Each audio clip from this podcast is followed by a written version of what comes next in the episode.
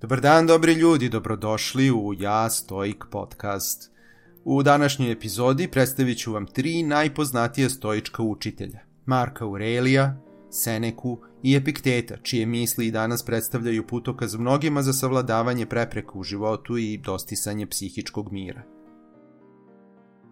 Moje ime je Peđa, ja sam autor web sajta jastoik.com posvećenog stoicizmu, pravcu u filozofiji koji stiče sve veću popularnost među profesionalcima, sportistima i svima koji se trude da pronađu smisa u inače haotičnoj realnosti u kojoj živimo. Nijedna škola nema u sebi više dobrote i blagosti, više ljubavi prema ljudima, niti više pažnje prema opštem dobru. Cilj na koji nam ukazuje je da budemo korisni, da pomažemo drugima i da brinemo ne samo o sebi, već i o svima uopšte i o svakom posebno. Ovako je Seneca opisao stoicizam. Stoicizam je filozofski pravac koji izgleda kao da je stvoren da odgovori svim izazovima savremenog doba. On pomaže ljudima da steknu psihičku otpornost, steknu mudrost, razviju vrline i pronađu mir koji im pomaže da postanu bolji ljudi, roditelji i profesionalci u svom poslu. Stoicizam koji praktikujemo danas rođen je u antičkoj Grčkoj, razvijan je u Rimu da bi dolaskom hrišćanstva pao u potpuni zaborav. Zahvaljujući malom korpusu sačuvanih tekstova, naučnici su tokom 20. veka ponovo počeli da se interesuju za ovaj filozofski pravac i otkrivaju njegov ogroman značaj za ljudsku civilizaciju.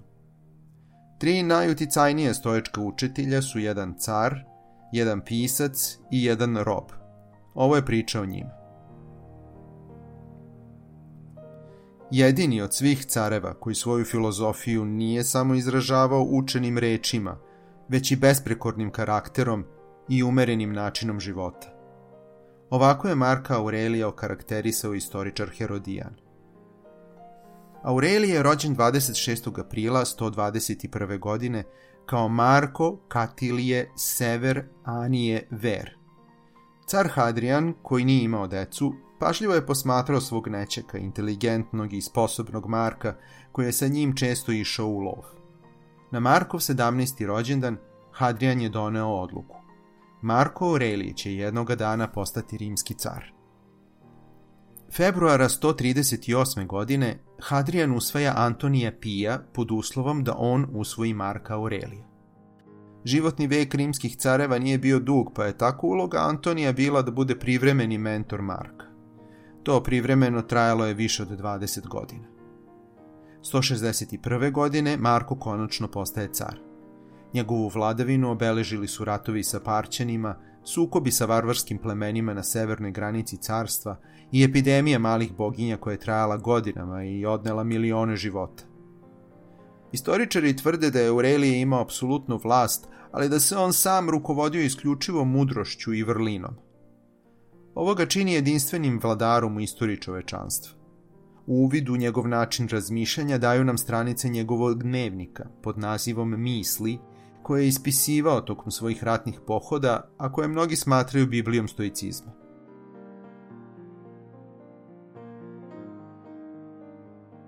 Seneca je rođen oko četvrtog veka nove ere u Kordobi kao sin bogatog književnika Seneke starijeg. Senekin učitelj bio je stoik Atalus, koji je prvi primetio dečakovu strast prema učenju. Od Atalusa je Seneca naučio pravilo kojeg se pridržavao celog života. Trudi se da svaki dan naučiš nešto novo. Senekin otac je imao plan da dečak jednog dana postane advokat. Međutim, bolest pluća primorava Seneku da se u 17. godini preseli u toplije i suvlje krajeve. U Egiptu se Seneka posvećuje pisanju i bavljanju filozofijom. U Rim se vraća u svojoj 31. godini, gde uspeva neometano da radi uprkos teškom stanju u državi uzrokovanom tiranijom Tiberija i Kaligula. Car Klaudije proteruje Seneku iz Rima na Korziku, odakle Seneka počinje da šalje svoja pisma majici i prijateljima. Pisma će postati njegova omiljena forma filozofskog izražavanja. Klaudijeva supruga Agripina angažuje Seneku da podučava mladog Nerona, pa se tako Seneka ponovo vraća u Rim u svojoj 53. godini. Zbog psihičkog stanja u kojem se nalazio, Neron nije uspeo mnogo toga da nauči od svog učitelja, jednog od najvećih pisaca i filozofa antičkog sveta. Isti taj Neron optužit će kasnije Seneku da je jedan od učesnika u konspiraciji protiv njega i naredit će mu da izvrši samoubistvo. Iako je optužba po svemu sudeći bila lažna, Seneka je u svojoj 61. godini izvršio samoubistvo presekavši sebi vene.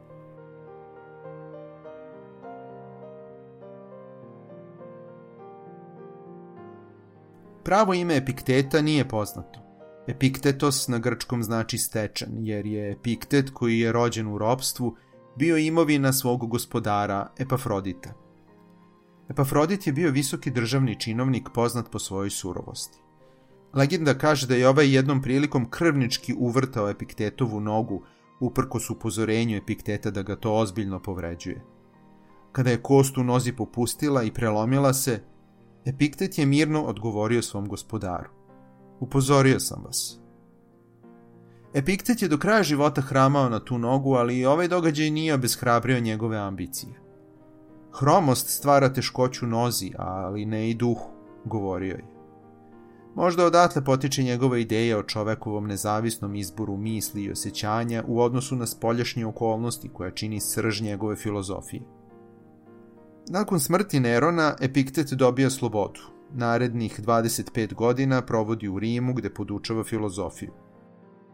Kada je car Domicijan proterao sve filozofe iz Rima, Epiktet odlazi u zemlju svog porekla i u Nikopolisu u Grčkoj osniva čuvenu školu stoicizma u kojoj je podučavao sve do kraja života.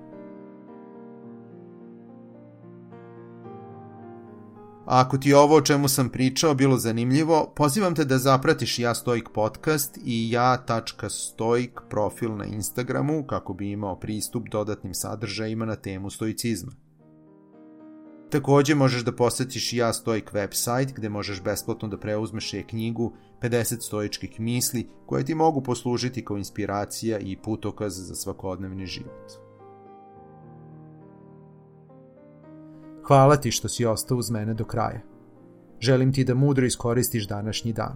Carpe diem.